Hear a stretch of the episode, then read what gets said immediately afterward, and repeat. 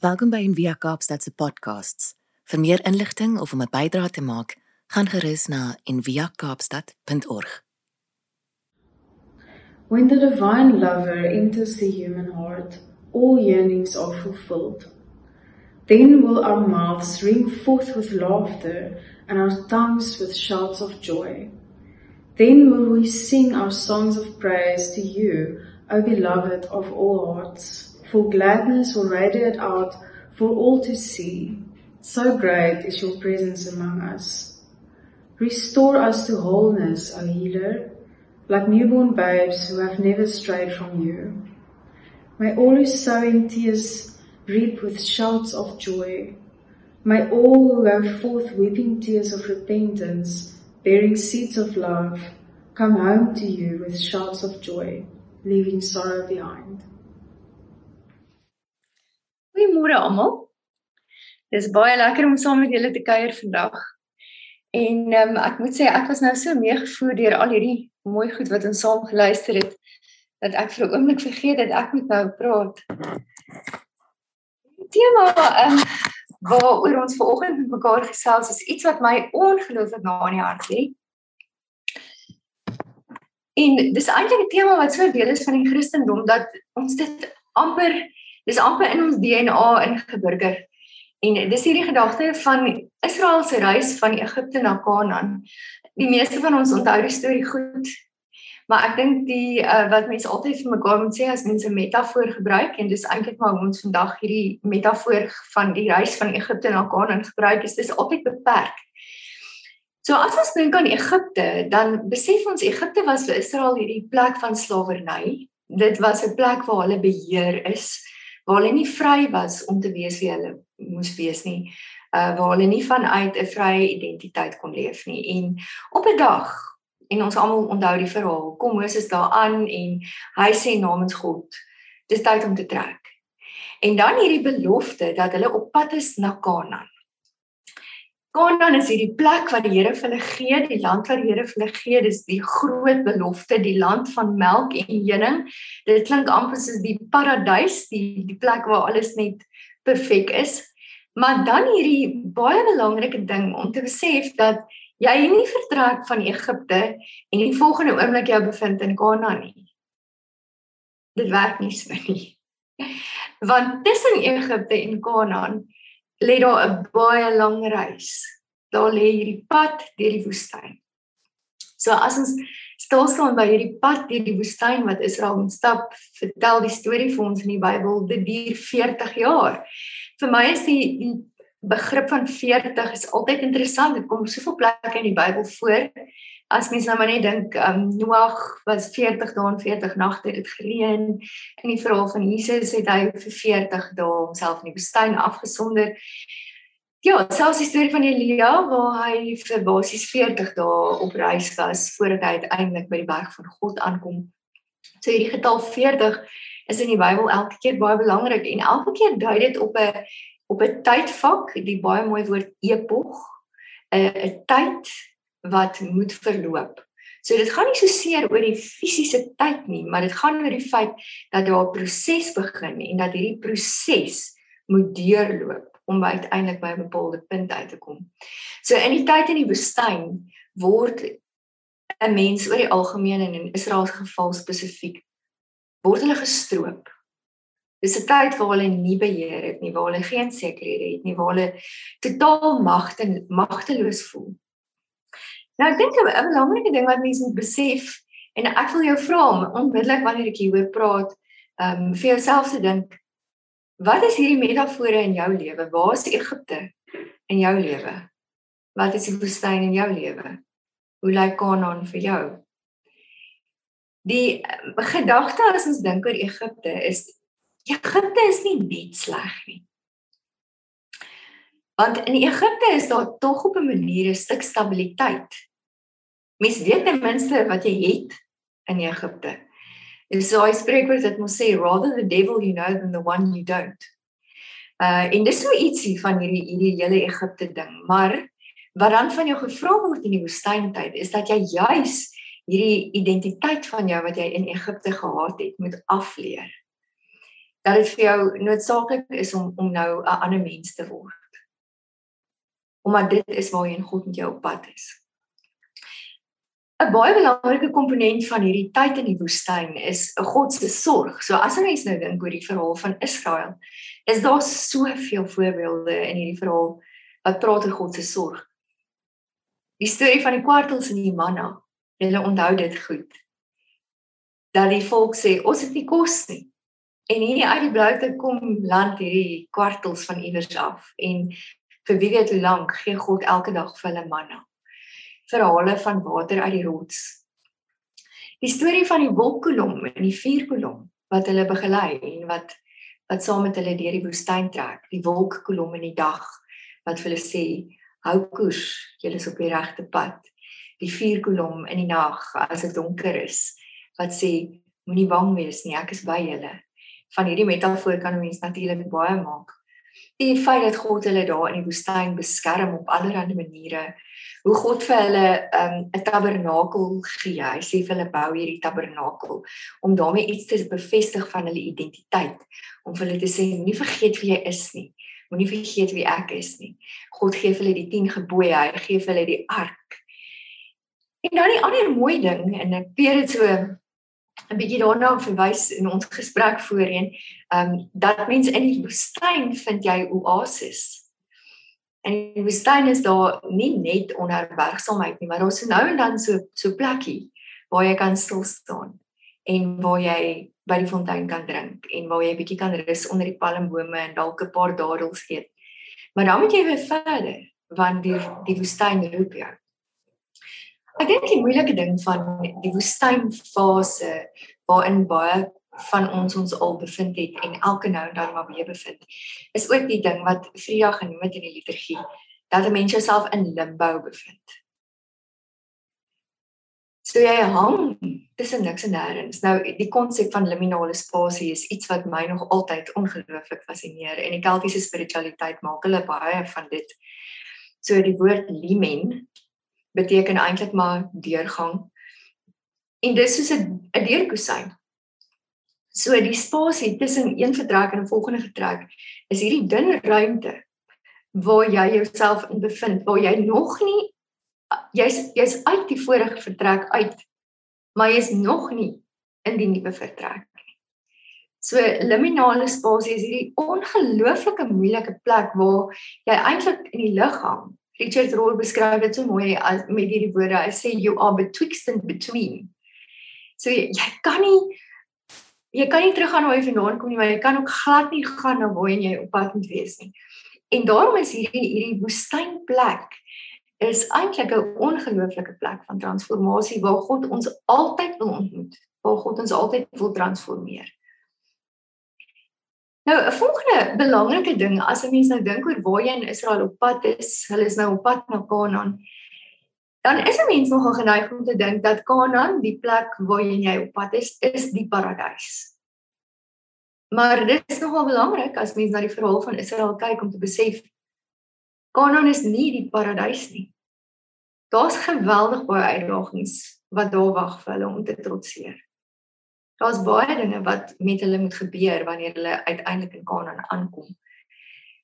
Hulle moet skielik met hulle groei van mense wat nomadies was vir 40 jaar na mense wat hulle self vestig in stede, wat hulle self organiseer, wat nuwe maniere van leef ontdek. En hulle word gewortel in hierdie nuwe konteks waarin hulle self bevind, maar in die woestyn was dit asof daar meer verantwoordelikheid namens hulle gevat is. In Kanaan moet hulle al die verantwoordelikheid vir hulself vat. In Kanaan moet hulle hulle stede bou. Hulle moet hulle lande aanlê. Hulle moet hulle infrastruktuur skep. En dis harde werk. So Kanaan is beslis 'n beter plek as die woestyn. Kanaan is definitief 'n beter plek as Egipte. Maar Kanaan is nie net maanskyn en rose nie, want dit vra harde werk. En dis hier waar hierdie teks wat ons ver oggend lees inkom. Psalm 126 is vir my een van die mooiste um vertalings nogal in die 1983 vertaling. Ek dink baie keer dan dink 'n mens so die 1983 vertaling is nou nie baie poëties nie, maar vir my is die ehm um, vertaling van Psalm 126 in die 1983 vertaling een van die mooiste mooistes, een van die mees poëtiese. In vers 1 staan daar 'n pelgrimslied. So dit is vir mense wat op pad is. En dan sê die Psalm: "Toe die Here die lot van Sion verander het, was dit vir ons soos 'n droom." Ons het gelag en gesing onder die nasies het hulle gesê die Here het groot dinge aan hierdie mense gedoen. Die Here het groot dinge aan ons gedoen. Ons was bly. So alhoewel hierdie Psalm kom uit die tyd van die ballingskap, praat dit eintlik nogal baie met hierdie verhaal van Israel en kan 'n mens definitief hierdie beweging sien van destyds.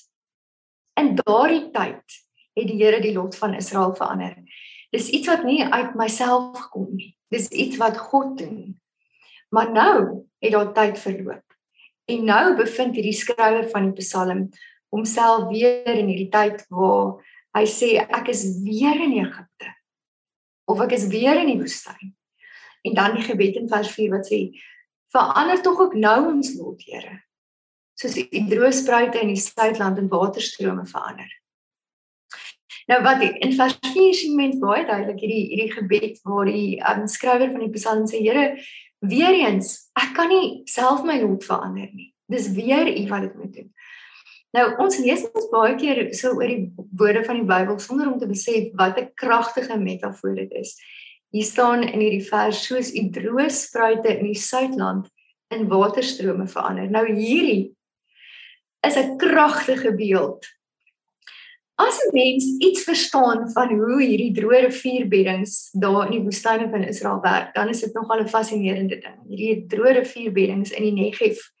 Nou ek het 'n video wat ek graag vir julle vandag wil wys daaroor.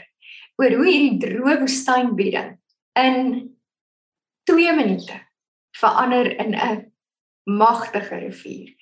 Die video self is nie ongelooflike goeie kwaliteit nie, want jy kan sien dis een of ander Israeliet wat daar staan met sy selfoon en dit afneem.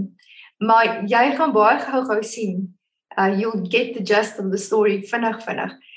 Uh, kyk 'n bietjie vir die hondjie in die storie. Daai hondjie maak my hart um baie angstig. um net omdat hy so op halfparmantig voor die rivier terg. Maar wat dan ook fascinerend is in hierdie videoetjie wat net langer as 2 minute is, is hierdie rivier ken sy pad en die mense ken ook die rivier se pad. Jy kan sien dat die mense hierdie al van tevore beleef het. Hulle weet presies waar om te staan en wag vir die rivier om te kom. Want elke nou en dan kan kom hy weer. So kom ons kom ons kyk dan.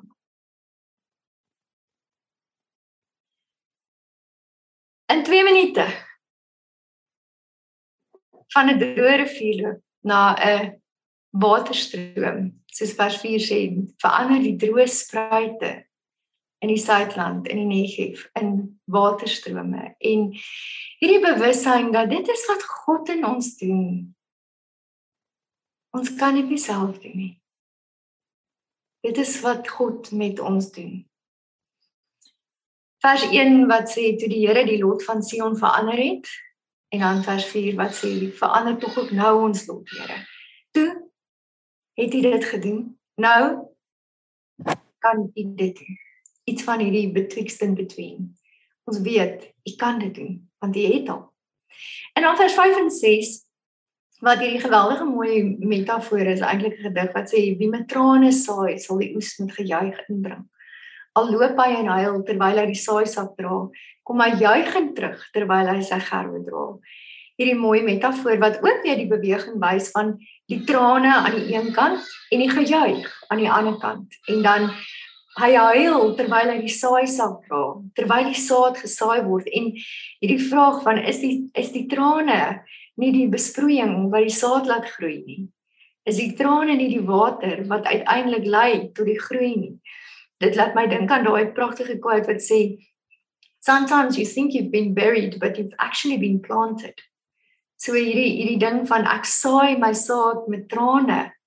Maar daar's 'n lewegewende proses en dan sien resultaat sê versies jy kom juigend terug met die resultaat die gerwe van God se proses van lewe Ruk gelede ehm um, vertel 'n vrou vir my hierdie verskriklike mooi storie. Sy sê sy en 'n kollega moet gaan werk doen in Botswana en hulle ry nou met hulle Land Rover daarin en hulle is op soek na 'n spesifieke village en hulle kom by 'n T-aansluiting op hierdie grondpad en daar's geen geen padtekens hoegenaamd nie. Jy kan nie weet waar jy is nie. Daar's ook geen selfoonsein nie. En hulle besef nou weet hulle nie wat om te doen nie. So hulle staan by die T-aansluiting Hulle weet nie links of regs nie, hulle weet nie hoe ver is hulle van die plek of nie. Die kaart wat hulle het, dui dit nie aan nie. Die een klim op die dak van die um Land Rover om te kyk of sy 'n sein kry, die ander een gaan stap ver en in die veld op soek na 'n sein, niks. Nou sit hulle daar en hulle wag en hulle wag vir lank. Hulle weet nie wat wat om nou te doen nie. En die volgende oomblik kom daar so so stofwolk so van die van die kant af. So klein stofwolkie. En dis 'n ouetjie op 'n fiets en hy kom hier by hulle aan en hulle stop. Hy stop by hulle vra, "Kan hy help?" Hulle sê ja. Hulle is op soek na hierdie spesifieke dorpie. En die ou sê, "O nee, dis nie baie ver van hier af nie." En hulle vra nou, "Maar wat moet hulle links of regs?" En die ou sê vir hulle, "Nee, as jy links gaan, is dit lank, maar dis nie baie lank nie. En as jy regs gaan, is dit kort, maar dis nie baie kort So jy kan enige pad kies. Ek dink dis 'n ongelooflike metafoor van ons lewens. Partykeer draai ons links en dan is die pad lank, maar is nie baie lank nie. En ander kere draai ons regs en dan is die pad kort, maar is nie baie kort nie. En miskien is een van die dilemma's dat ons so aan bestemmingsbaan lei, dat ons wil ten alle koste by Kanaan uitkom, terwyl die lewe as sulks eintlik maar net altyd 'n reis is dis dis altyd 'n reis en dis altyd hierdie sikliese proses van Egipte deur die woestyn na Kanaan na Egipte deur die woestyn na Kanaan en soos Amanda Strydom sing altyd maar op pad. Ons is altyd maar op pad. Ons is altyd maar op reis. En daarom is die lewe altyd hierdie siklusse. En daarmee moet ons vrede maak. As jy vandag hier sit en jy dink iewers elders in my lewe gaan ek arriveer. Jy gaan nie nie op hierdie aarde nie. Want ons is altyd maar op pad. Maar die verskil is, ons is nie alleen op pad nie. Ons is op pad met God en hierdie pad waarmee God met ons op pad is, dit self is die pad. So dit laat my dink aan um, die baie mooi konsep van the Paschal mystery wat in my lewe 'n geweldige groot rol speel in in mense in Afrikaans praat van die Paasmisterie. En tradisioneel praat mense van die Paschal Mystery as Jesus se lyding, sy sterwe en sy opstanding en dan eindig hier Paasmisterie daar. Maar dit is nie so nie. Die die Paasmisterie eindig nie by die opstanding nie. Die opstanding is in 'n sekere sin die einde van 'n sekere proses, maar dan die begin van 'n nuwe proses want na die opstanding is daar daai 40 dae na Jesus se opstanding wat hierdie disippels ongelooflik struggle met wat hier gebeur het. En dan uiteindelik na die 40 dae is daar Jesus se hemelvaart en dan moet hulle nou alles laat gaan wat hulle van tevore gehad het. Hulle moet Jesus self fisies laat gaan. Hulle moet begin gewoond raak aan 'n lewe sonder hom. Wat is die implikasie van dit? So dit mense kan nou sê dit is fantasties dat die hemelvaart plaasgevind het, maar dit moes vir hulle geweldig moeilik gewees het. En dan vind Pinkster plaas waar ons weet die gees van Christus word uitgestort, so waar Jesus van tevore fisies teenwoordig was, is hy nou in sy gees in elkeen van van hulle teenwoordig. Maar om oop te wees om die gees van God te ontvang vir waar jy jouself in jou lewe bevind, is nie so maklik nie. Want om dit te doen, moet jy eintlik alles afsterf. Jy moet alles laat gaan van hoe dit van tevore was. Alles waarmee God in ons lewe besig is, is prosesse. Is prosesse van lewe wat amper altyd met ongemak gepaard gaan en dit herhaal oor en oor. Ek dink een van die goed waarvoor 'n mens baie versigtig moet wees is om vas te vul in 'n spesifieke fase en nie toe te laat dat God met sy proses van lewe in ons lewe besig is nie. In hierdie proses van die Paasmisterie sou mens by stil Saterdag kon vasval, die tyd tussen die kruisiging en die opstanding. Jy sou daar op stil Saterdag kon kon vasval en vir jou tent opslaan en vir altyd daar bly. Jy sou kon vasval in die woestyn. Jy sou 'n nomade kon word vir die res van jou lewe. You can become a person of the desert. En so mate dat die dat die woestyn in jou siel intrek. Maar Jesus wys vir ons die pad. Jesus sê kom agter my aan en hierdie versekering dat ons nooit alleen stap nie. Nou sou mense as jy na Israel kon kyk in die woestyn sou jy sien Israel loop in sirkels vir 40 jaar. En ons weet daai woestyn was nie so groot nie. Hulle het nie 40 jaar nodig gehad om deur daai woestyn te kom nie. Is eintlik sou hulle in 'n paar weke regdeur kon trek van Egipte tot by Kanaan. Maar hulle het in sirkels geloop. En dalk is dit omdat hulle veronderstel was om terug te loop op hulle eie spore. Na aanleiding van hierdie verhaal, ehm um, wat Corneille vir my vertel het oor Botswana, het 'n uh, ander ou Christo vertel hy toe ook hierdie storie. Wat hy sê hy is ook op 'n stadium in Botswana besig met 'n ding. En iemand verduidelik vir hom die pad. Hy sê vir hom um, as jy nou die verby die groot krimitarboom is dan kom jy by die hoek waar daar so 'n klein gehuggie staan maar die gehuggie se dak is afgewaai dan draai jy daar regs en dan as jy so eentjie verder aangaan dan lê daar 'n dooie boomstomp langs die pad en dan draai jy daar links En hy sê toe vir hom: "Wat as ek dit mis? Wat as ek die die, die aanwysings mis en verdwaal?" En die ou sê toe vir hom: "Man, jy kan nie regtig verdwaal nie. Al wat jy doen is as jy agterkom jy weet nie waar jy is nie, dan draai jy om en jy loop terug op jou spore." En miskien is dit waarvoor die Here ons partykeer nooi is as ons onsself by 'n plek bevind waar ek agterkom ek is besig om soos 'n swerwer in die woestyn al om en om en om te loop. En ek vind nie my pad nie. Is die antwoord partykeer om terug te loop op jou spore.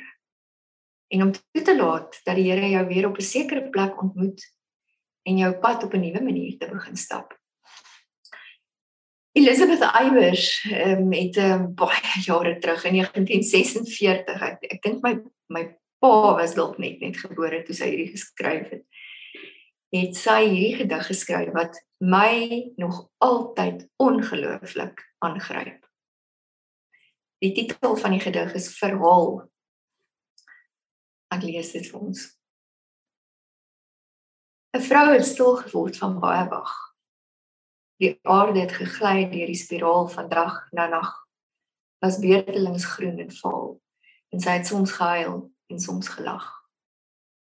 Ook was sy dikwels wakker in die nag.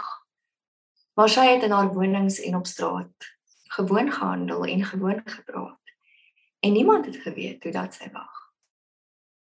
Verlange word aanvaarding langsaam aan. Want wag is beurtelings hoop en wanhoop. Tot die twee versmelt en stilte alleen bestaan. En deur die jare het sy self die slot van die verhaal geword haar stilte en haar krag was skoner as die ding waarop sy wag.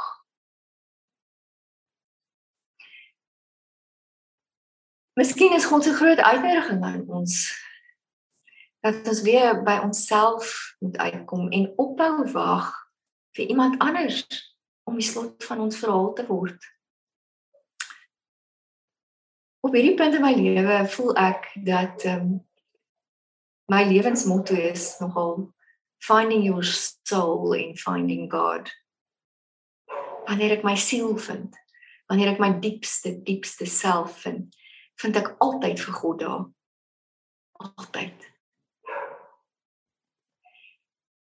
Baie jare gelede het ehm um, ou Suster Mary vir ons op 'n keer gesê um the the road to God is through en toe wou ons dat sy sê Jesus Christ, maar toe sê sy self knowledge. En ek was geskok tot in my wese. Hoe kan sy dit sê?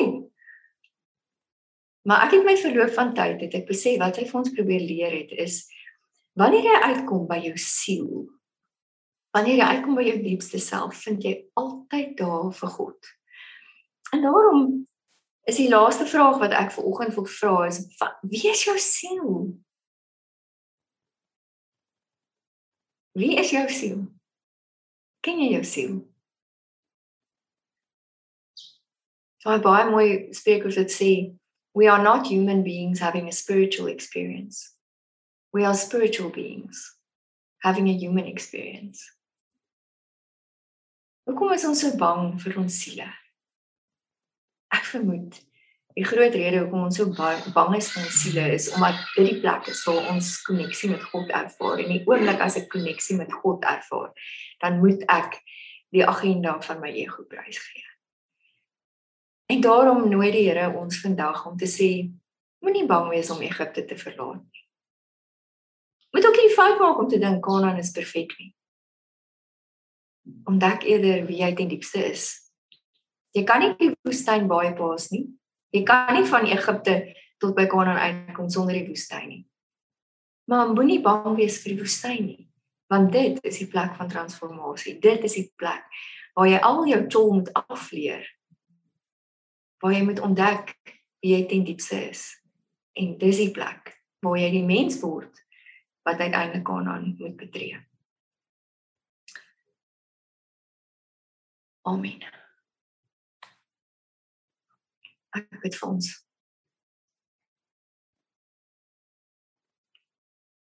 Here, dankie dat U ons ontmoet waar ons ook al is. Party van ons is vandag in Egipte.